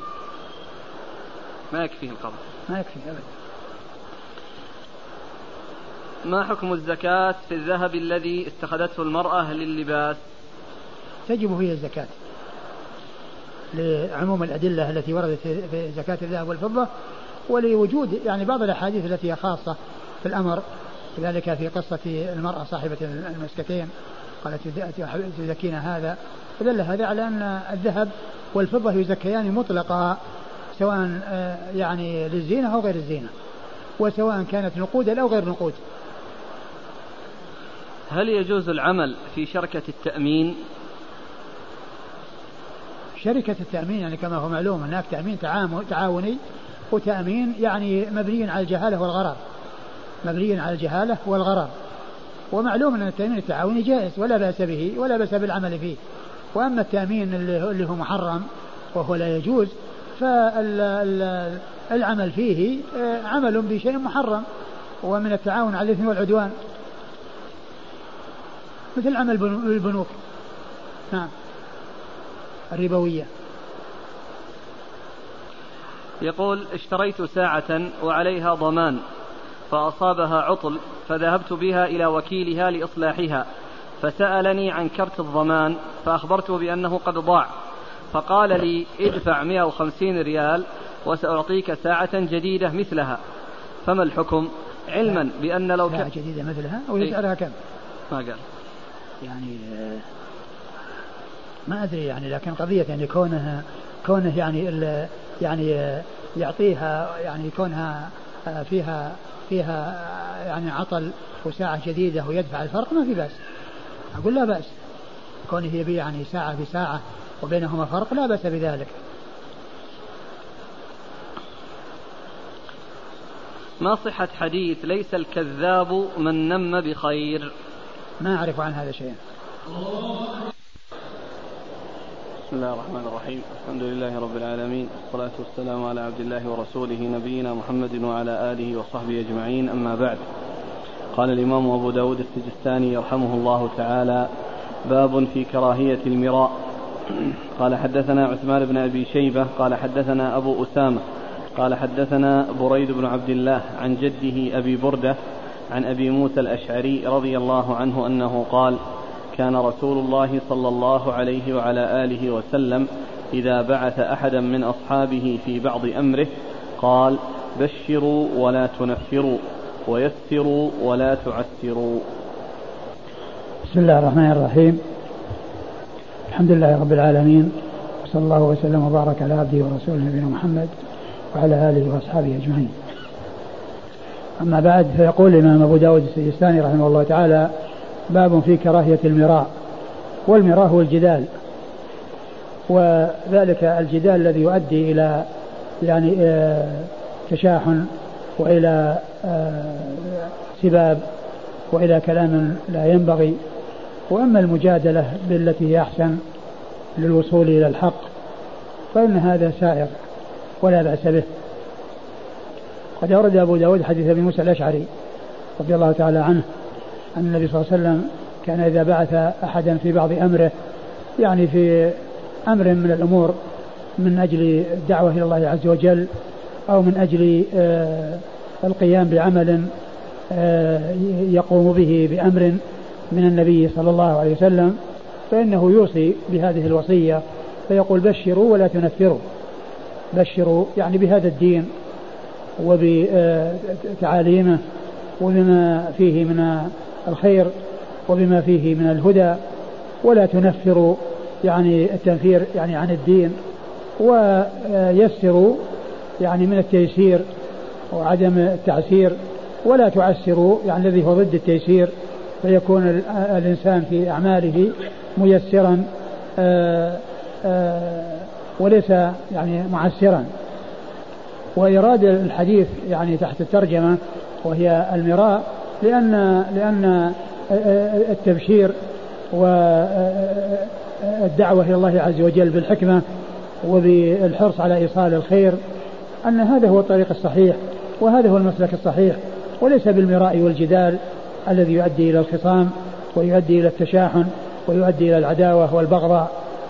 فلعل إيراد الحديث آه، تحت هذه الترجمة يعني من هذه الناحية وهو أن التبشير وعدم التنفير يعني هذا هو الذي يحصل بالدعوة إلى الله عز وجل بالحكمة. وأما إذا كان هناك مراء وجدال ومخاصمة فيترتب على ذلك الوحشة وتنافر القلوب. نعم.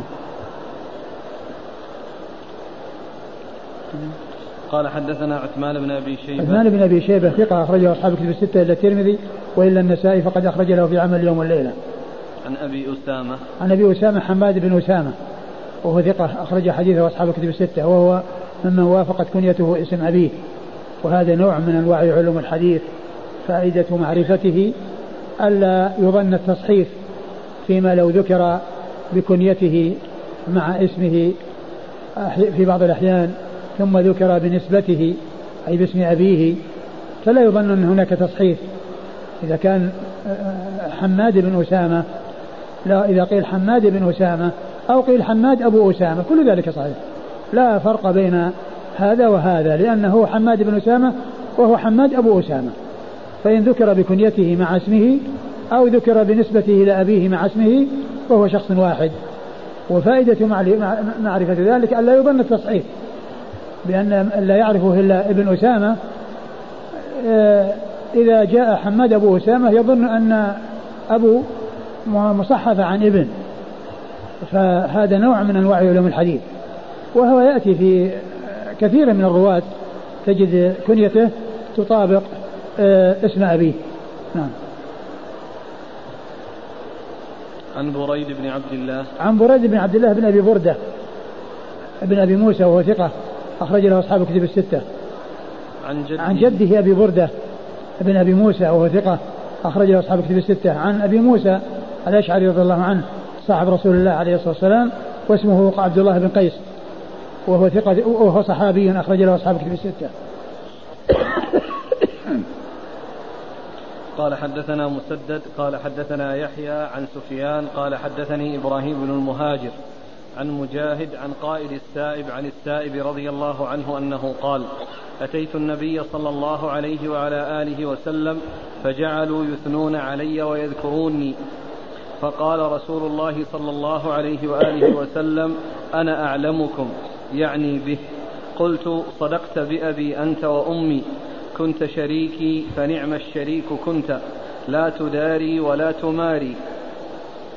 ثم ورد أبو داود حديث السائب بن أبي السائب المخزومي وكان شريكا للنبي صلى الله عليه وسلم قبل البعثة وأنه جاء إليه وقد أسلم فجعلوا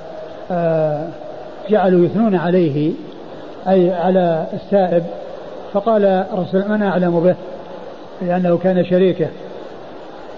فقال السائب صدقت بأبي أنت وأمي كنت كنت شريكي وخير الشريك. ونعم الشريك ونعم الشريك كنت. نعم. كنت شريكي ونعم الشريك كنت. كنت. لا كنت لا تماري ولا لا كنت لا لا تماري ولا تداري. نعم. كنت لا تماري ولا تداري وهذا وصف للرسول صلى الله عليه وسلم. يعني في معاملته إياه. كان قبل البعثة. وكان شريكه ويصفه يعني السائب بهذا الوصف أنه نعم الشريك. وكان لا يماري يعني لا يخاصم وينازع ويجادل ولا يداري نعم. ولا يداري إيش قال يداري؟ يعني لا تخالف ولا تمانع. يعني لا تخالف ولا تمانع يعني إنه سهل وأن أخلاقه حسنة وأنه ليس يعني من الذي آه، آه، يخالف يعني ويمانع مع شريكه وإنما كان سهلا وصاحب خلق كريم وهذا يدل على حسن أخلاقه صلى الله عليه وسلم قبل البعثة وبعدها فكان قبل قبل أن يبعثه الله عز وجل على الأخلاق الكريمة. وعلى الصفات الحميدة صلوات الله وسلامه وبركاته عليه. وهذا من فضل الله عز وجل إذ جعله صلى الله عليه وسلم على هذه الصفة التي كانوا يعرفونه بها قبل أن يبعثه الله عز وجل وأن ما حصل منهم بعد بعثته من العداء له أي من الكفار إنما كان حسدا وإنما كان آه، اتباعا لما كان إليه الآباء. والأجداد وإلا فإنه ما كان معروفا عندهم إلا بالصدق والأمانة وبالصفات الحميدة والأخلاق الكريمة صلوات الله وسلامه وبركاته عليه. أعد. قال. عن السائب قال أتيت النبي صلى الله عليه وآله وسلم فجعلوا يثنون عليه جاء في بعض الروايات أنه جاء عام الفتح فجعلوا يثنون عليه يعني يثنون على السائب. والنبي صلى الله عليه وسلم قال أنا أعلم به يعني أنه كان كان النبي صلى الله عليه وسلم كان يشاركه وكان شريكا له قبل البعثة. فقال السائب نعم بأبي أنت وأمي. يعني آه، بأبي أنت وأمي هذا ليس قسم وإنما هو فداء أي أنت مفدي. بأبي وأمي أو أفديك بأبي وأمي. وهذه كلمة تقال كثيرا تقال في يقولها الصحابة وغير الصحابة. يعني يقولون آه، في حق النبي صلى الله عليه وسلم فداه أبي وأمي أو بأبيه وأمي. أي هو مفدي وهذه كلمة تقال في آه، تعظيمه صلى الله عليه وسلم واحترامه وتوقيره. ونعم هو مفدي آه، بالآباء والأمهات لأن فضله أعظم من فضل الآباء والأمهات على الناس. وذلك أن الله عز وجل ساق على يديه أعظم نعمة وأجل نعمة وهي نعمة الإسلام. ومعلوم نعمة الإسلام هي أجل النعم وأعظمها والأبوان لهما حقوق على الولد وقد قام بتنشئته وتربيته وبالتعب عليه والنصب حتى بلغ مبلغ الرجال. ولكن ما قام به الأبوان والوالدان ليس شيئا بالنسبة إلى ما حصل للمسلم آه، بسبب النبي صلى الله عليه وسلم من الهداية التي ساقها الله للمسلمين على يديه. ولهذا جاء في الحديث لا يؤمن أحدكم حتى أكون أحب إليه من ولده ووالده والناس أجمعين صلوات الله وسلامه وبركاته عليه. ثم قال ثم أن السائب ذكر صفة النبي صلى الله عليه وسلم والتي عرفها عنه عن طريق عن بسبب المخالطة وبسبب المشاركة وأنه كان شريكه وقال له إن إن إنك نعم الشريك كنت لا تماري ولا تداري. نعم. قال حدثنا مسدد. حدثنا مسدد بن مسرهد البصري ثقة أخرجه البخاري وأبو داود والترمذي والنسائي. عن يحيى. عن يحيى بن سعيد القطان البصري ثقة أخرج له أصحاب كتب الستة. عن سفيان. عن سفيان الثوري سفيان بن سعيد المسروق الثوري ثقة فقيه أخرج له أصحاب كتب الستة. عن إبراهيم بن المهاجر. عن إبراهيم بن المهاجر وهو؟ صدوق لين الحفظ. صدوق لين الحفظ أخرج له مسلم وأصحاب السنة. مسلم وأصحاب السنة. عن مجاهد. عن مجاهد بن جبر المكي وهو ثقة أخرج له أصحاب كتب الستة. عن قائد, عن قائد السائب. السائب وهو يعني غير معروف يعني لا يعرف اسمه ولا يعني حاله. وعن السائب ابن ابن أبي السائب وهو صحابي أخرج له. أبو داود والنسائي وابن ماجه. أبو داود والنسائي وابن ماجه. والحديث في إسناده يعني هذا الذي هو قائد قائد السائب وهو الذي ذكر بلقبه ولم يذكر باسمه ولا يعرف حاله والألباني صححه ولعله يعني باعتبار أنه جاء عن مجاهد أنه كان يروي عن عن عن عن السائب نفسه. يعني يعني جاء عن طريق السائب عن قائد السائب وجاء من طريق أخرى عن عن عن السائب نفسه وإلا فإن الرجل الذي في الطريق بينه وبين السائب غير معروف مبهم لا يعرف يعني اسمه ولا يعرف حاله. ويعني يعني بعض أهل العلم تكلم فيه يعني من جهة آه، يعني من جهة آه، ان أكثر الأسانيد فيها السائب قائد السائب عن عن عن السائب نفسه. والالباني صححه ولعله من أجل أن مجاهدا رواه يعني عن السائب نفسه. نعم. الحافظ لما قال في ترجمة السائل في التقريب في إسناد الحديث اضطراب. نعم. يعني من ناحية أنه جاء بطرق متعددة. يعني عن عن عن فيه ذكر مجاهد عن عن هذا والسائب عن كذا وفيها ألفاظ أخرى. نعم.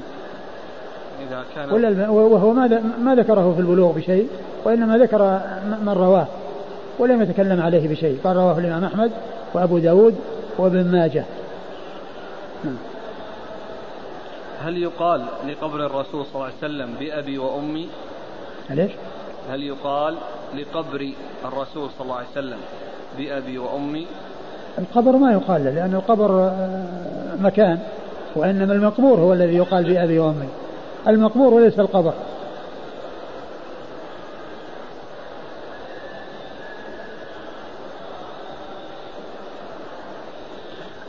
قال رحمه الله تعالى باب الهدي في الكلام. قال حدثنا عبد العزيز بن يحيى الحراني قال حدثنا محمد يعني بن سلمة عن محمد بن إسحاق عن يعقوب بن عتبة عن عمر بن عبد العزيز عن يوسف بن عبد الله بن سلام عن أبيه رضي الله عنهما أنه قال كان رسول الله صلى الله عليه وعلى آله وسلم إذا جلس يتحدث إذا جلس يتحدث يكثر أن يرفع طرفه إلى السماء. ثم ورد أبو داود آه هذه الترجمة إلى باب الهدي في الكلام يعني ال آه، آه، الذي ينبغي أن يكون عليه الإنسان. يعني في كلامه يعني في صفته وفي صفة كلامه وهيئة كلامه هذا هو المقصود بالترجمة في الهدي في الكلام. وقد أورد حديث عبد الله بن سلام رضي الله تعالى عنه أن النبي صلى الله عليه وسلم كان إذا كان يتحدث يكثر أن يرفع رأسه إلى السماء يعني هو يتحدث. وهذا بيان الهيئة التي يكون عليها حين الكلام. يعني آه، هيئته وهديه أنه حين يتكلم يكثر أن يرفع رأسه إلى السماء يكثر أن يرفع رأسه إلى السماء. لكن الحديث آه، فيه ضعف. يعني من جهة أن الأعمش من هو محمد بن إسحاق. نعم بن إسحاق. يعني رواه بالعنعنة وهو يعني آه، مدلس. وإذا روى بالعنعنة فإن فإنه لا يعول على على روايته ولم يعب عليه إلا التدليس. فهو إذا صرح بالتحديث أو ثبت تصريحه بالسماع وبالتحديث فإن فإنه يكون حديثه حسنا حسنا لذاته. ولكنه إذا دلس روى بالعنعنة فإن آه ذلك علة قادحة في روايته. نعم. قال حدثنا عبد العزيز بن يحيى الحراني. عبد العزيز بن يحيى الحراني صدوق ربما وهم. صدوق ربما وهم أخرج له أبو داود والنسائي. أبو داود والنسائي. عن محمد يعني بن سلمة. يا محمد يعني بن سلمة الحراني وهو ثقة أخرج حديث البخاري في جزء القراءة ومسلم وأصحاب السنن. وهذا في طبقة شيوخ شيوخ أبي داود. في طبقة شيوخ شيوخ أبي داود. محمد بن سلمة. إذا جاء محمد بن سلمة في طبقة الشيوخ الشيوخ فالمراد به الحراني الباهلي. وإذا جاء في طبقة شيوخه محمد بن سلمة فالمراد به المرادي المصري. وهذا في طبقة شيوخ شيوخه فهو الباهلي الحراني وهنا الذي يروي عن حراني اللي هو عبد العزيز بن يحيى. وكما قلت أو كما قال الحافظ في التقريب هو ثقة أخرجه البخاري في جزء القراءة ومسلم وأصحاب السنة. عن محمد بن إسحاق. عن محمد بن إسحاق المدني صدوق. أخرج حديث البخاري تعليقا ومسلم وأصحاب السنن عن يعقوب بن عتبة. عن يعقوب بن عتبة وهو ثقة أخرجه أبو داود والنسائي بن ماجه. ثقة أخرجه أبو داود والنسائي بن ماجه. عن عمر بن عبد العزيز. عن عمر بن عبد العزيز وهو آه، آه، آه، ثقة وهو الخليفة المشهور. وهو ثقة أخرجه أصحاب الكتب الستة. عن يوسف بن عبد الله بن سلام. الكتب الستة. أي نعم. نعم عن يونس. يوسف بن عن يوسف, يوسف بن عبد الله بن سلام. وقد اختلف في صحبته قيل إنه صحابي صغير وقيل إنه ثقة. وأخرج حديث أصحاب الكتب الستة. يوسف. يوسف بن عبد الله بن سلام. إي. قيل له رؤية. صحابي صغير. سجل إيه. البخاري في المفرد وأصحاب السنن. آه، البخاري في المفرد وأصحاب السنن. عن أبيه. عن أبيه عبد الله بن سلام رضي الله تعالى عنه وحديثه أخرجه أصحاب الكتب الستة.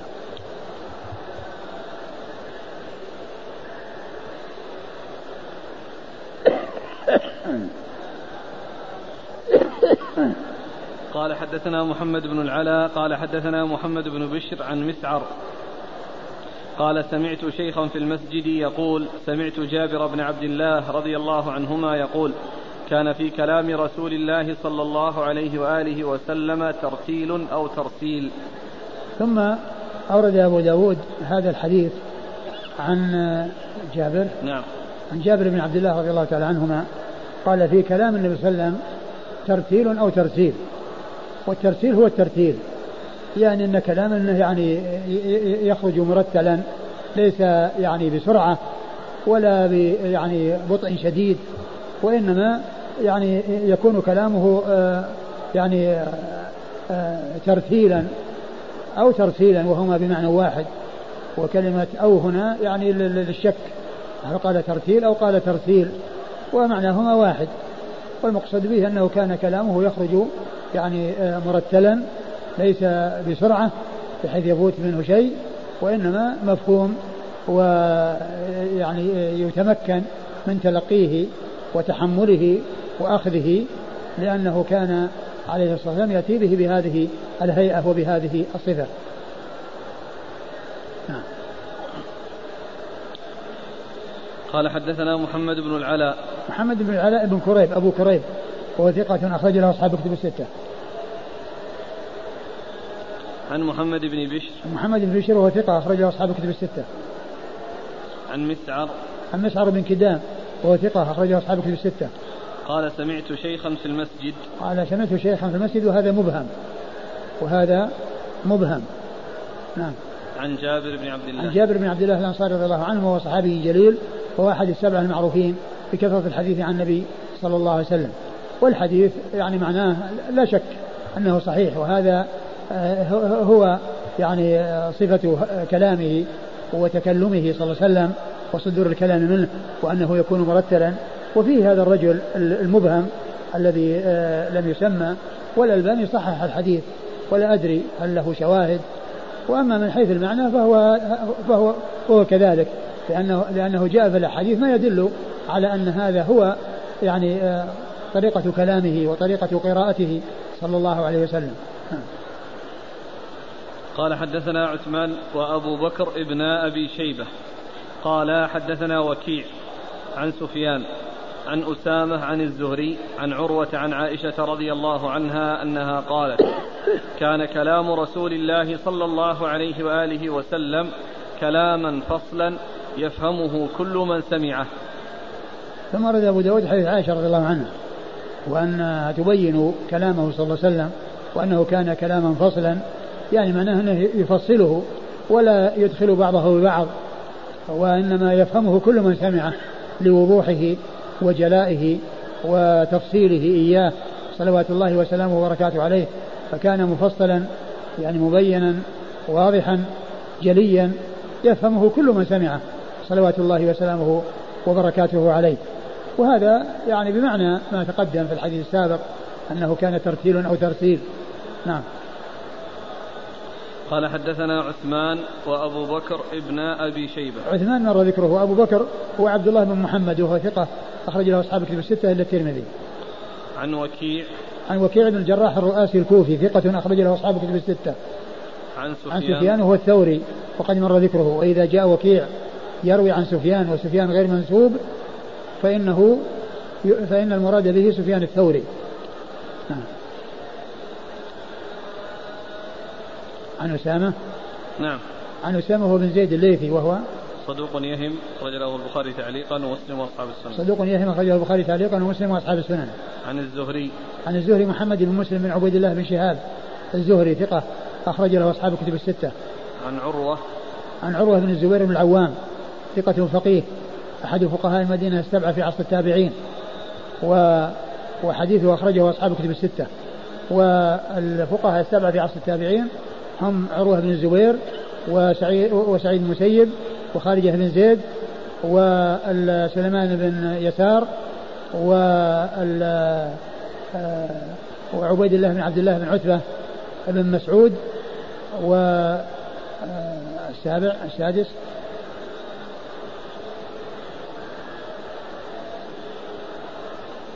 وخارجة بن زيد بن ثابت. هذول الستة متفق على عدهم الفقهاء السبعة. والسابع فيه ثلاث أقوال. قيل سالم بن عبد الله بن عمر بن الخطاب وقيل أبو بكر بن عبد الرحمن بن الحارث بن هشام وقيل أبو سلمة بن عبد الرحمن بن عوف. فستة متفق على عدهم في الفقهاء السبعة في عصر التابعين في المدينة. والثالث والسابع فيه خلاف على ثلاثة أقوال.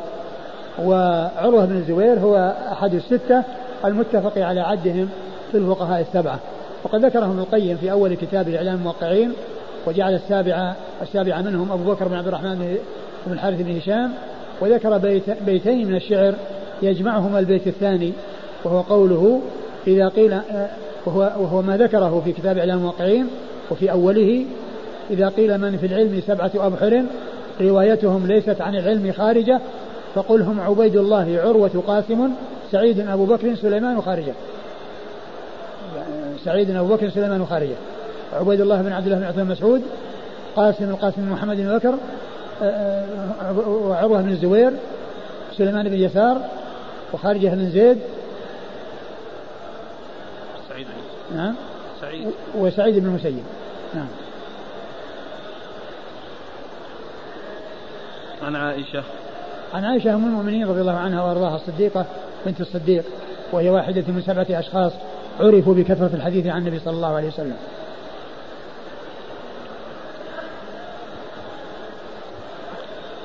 قال حدثنا أبو توبة قال زعم الوليد عن الأوزاعي عن قرة عن الزهري عن أبي سلمة عن أبي هريرة رضي الله عنه أنه قال قال رسول الله صلى الله عليه وعلى آله وسلم كل كلام لا يبدأ فيه بالحمد لله فهو أجزم. ثم أورد أبو داود حديث أبي هريرة. أبي هريرة رضي الله عنه. كل كلام لا يبدأ فيه بالحمد فهو أجزم. أي أي أنه أقطع يعني كاليد الجذمة أي القطعة أو المقطوعة أو التي أصابها جذام فلا يعني فائدة فيها ولا يستفيد صاحبها منها. و آه، وهذا آه، يتعلق بالهدي في الكلام يعني أنه يبدأ فيه بحمد الله عز وجل. ويبدأ فيه بحمد الله ومعلوم أن النبي صلى الله عليه وسلم كان يبدأ خطبه بالحمد. كان يبدأ خطبه بالحمد لله عز وجل. و آه، والفاتحة بدأت بالحمد. الحمد لله رب العالمين. وبعض سور القرآن بدأت بالحمد لله. والحديث آه، اختلف فيه. يعني منهم من حسنه ومنهم من ضعفه. والألباني قد ضعفه. نعم.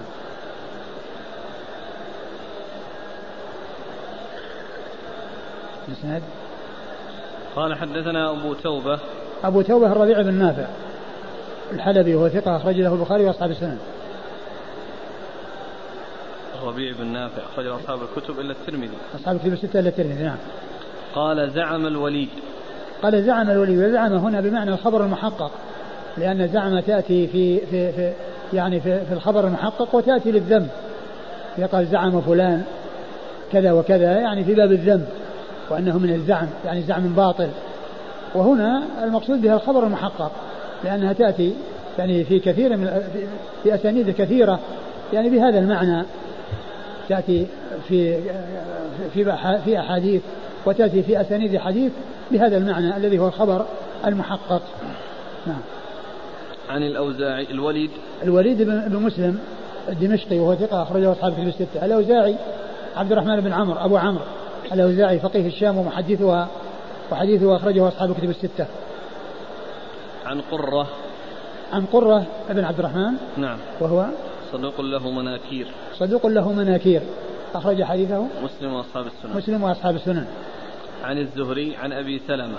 عن الزهري عن الزهري وقد مر ذكره أبي سلمة بن عبد الرحمن بن عوف آه، وهو ثقة أخرج حديث أصحاب الكتب الستة وهو أحد آه، الثلاثة الذين اختلف في آه، جعل في عد السابع من الفقهاء السبعة واحدا من هؤلاء الثلاثة نعم.